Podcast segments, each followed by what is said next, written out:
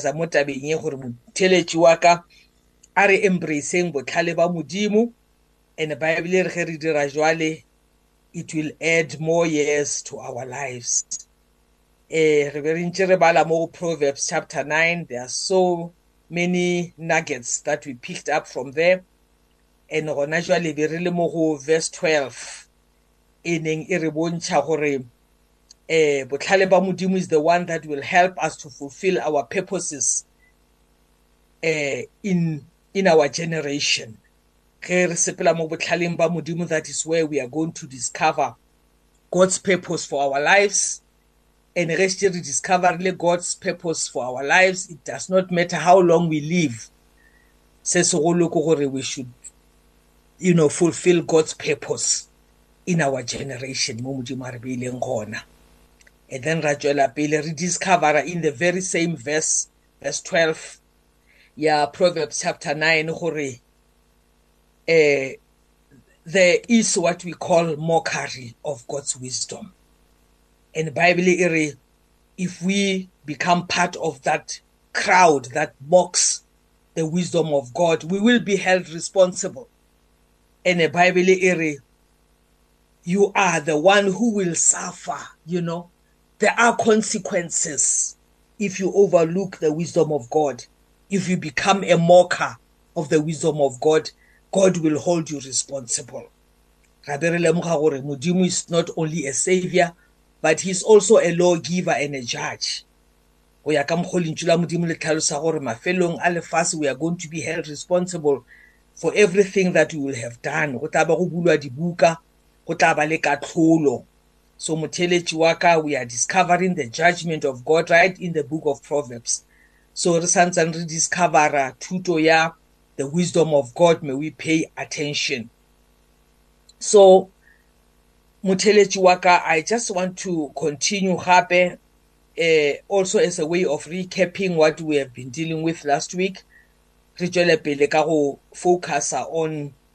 yona proverbs chapter 9 eh verse 12 re bone tabeng ya gore matšatšing a re phela mo go ona you know mockery of the wisdom of god has been kind of constitutionalized you can look in our own uh, nation you can look internationally you know the devil has kind of uh, established falsehood as truth you know foolishness is being looked at as wisdom that is the popular culture you know sin and offense is being projected as righteousness and righteousness is being you know taken as as sin you know whenever you try to proclaim righteousness, you are being accused of offense. So that is what the devil is doing throughout the whole world. And uh, if we walk in the wisdom of God, that is what that is how we are going to be saved from this onslaught of the enemy against the wisdom of God in the last days. Lentswe la modimo le tlhalosa gore Satan is the god of this world. You know?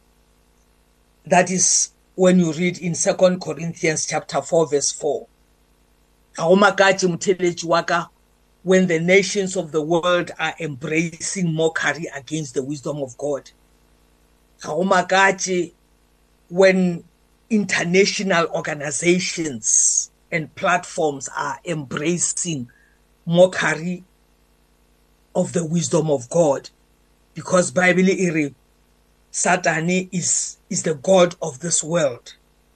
You know, that is 2 Corinthians chapter 4 verse 4. And the Bible e mo tlhalosa gore he is the prince of the power of the air. You know, if I were to read it is in 2 Corinthians chapter 2 ke tla e bala from verse 1 up to verse 2. Lentswe la modimo le tlhalosa gore and you were dead in trespasses and sins in which you once walked, following the course of this world, following the prince of the power of the air, the spirit that is now at work in the sons of disobedience. So we were talking about mockery against the wisdom of God. You know, a concept that we picked up in Proverbs chapter 9 verse 12. gore much as we are talking about embracing the wisdom of God, there is another war that the devil is waging against the wisdom of God, causing the children of disobedience to mock the wisdom of God. So, Bible iri e there is the prince of the power in the air. We will talk more about this.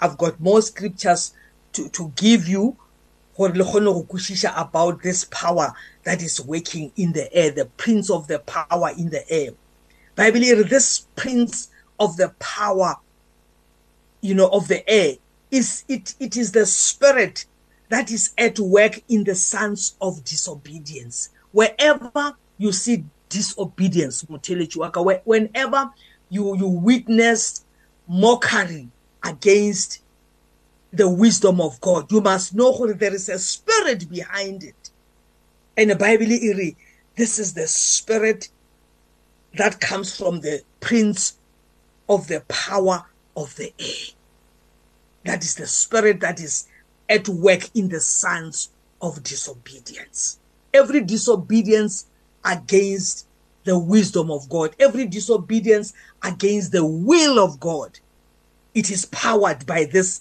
spirit according to Ephesians chapter 2 verse 1 up to 2 ke rata gore ke bale gape Ephesians chapter 6 verse 12 e tlo go bontshang gore there is definitely a kingdom there is definitely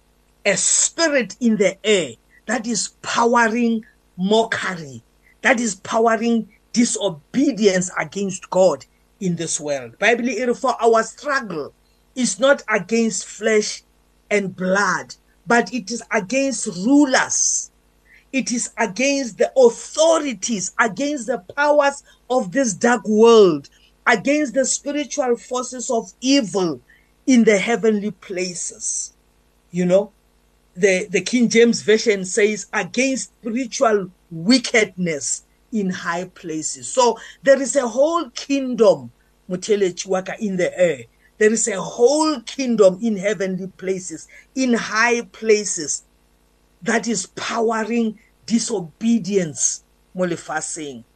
That is powering mockery of the wisdom of God mo lefatsheng. So you shouldn't take mockery of the wisdom of God lightly. You shouldn't take disobedience lightly. Bible it is being powered by Satan himself. And according to Ephesians chapter 6, verse 12, that is a very organized kingdom. You know,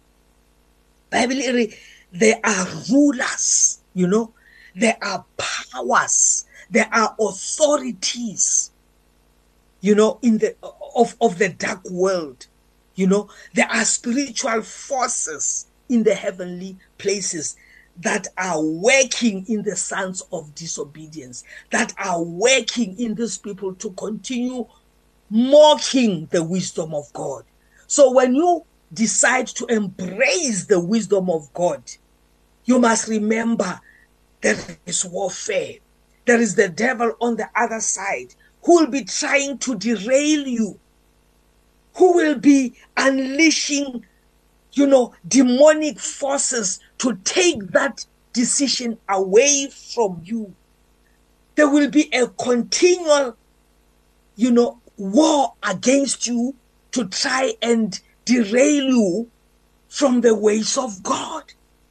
So that is why Bible we are struggling. We are fighting. Put on the whole armor of God because we are in a warfare much as you have decided wena mudimu to stand with God to embrace the wisdom of God to sit on the table of God to eat of the bread that God gives and to drink of the wine that God mixes. There is a whole kingdom that is working 24 hours to try and take you away from the table of God. So lentswe la Modimo le re this is a struggle. That is Ephesians chapter 6 verse 12 and we are struggling not against flesh and blood. You know, at the end of the day the devil does not have a mouth. He does not have hands. He does not have feet. That is why he's using actual people. You know? So Don't, don't be mistaken. Don't start to fight actual people.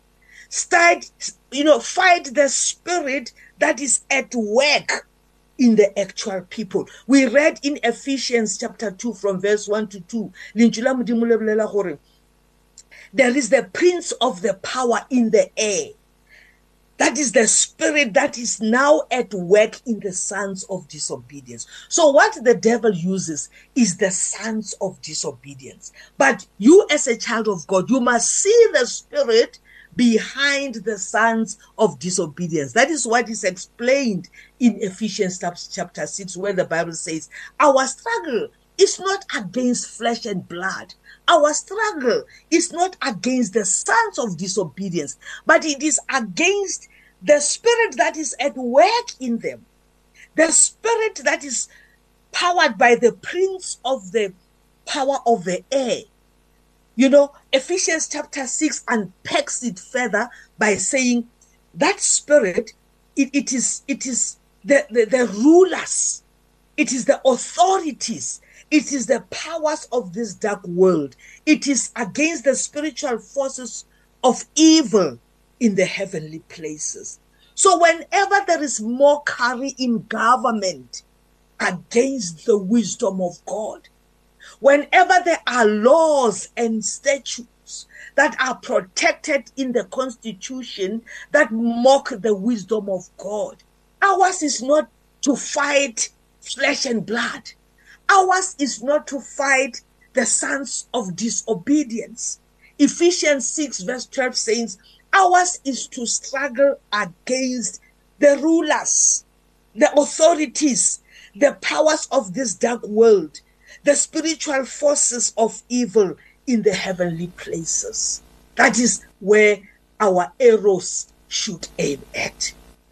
So, Mutelechuaka, this is a very serious battle. Like I've said, this mockery against the word of God, this mockery against the wisdom of God has been constitutionalized. What is righteous according to the will of God and according to the will of word of God is being portrayed as unrighteous, as offensive. You know,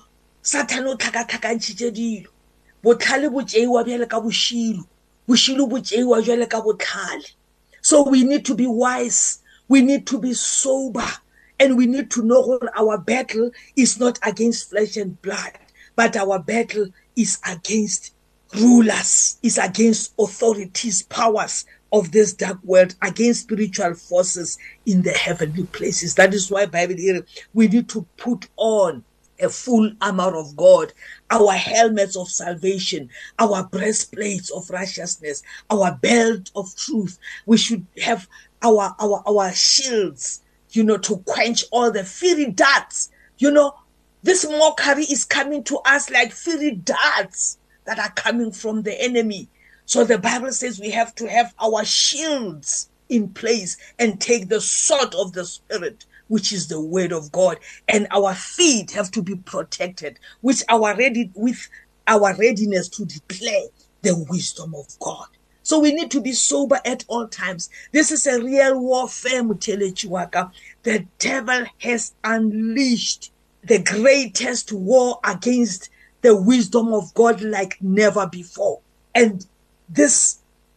mockery is protected by governments, is protected by international organizations, is protected in all forms of platforms.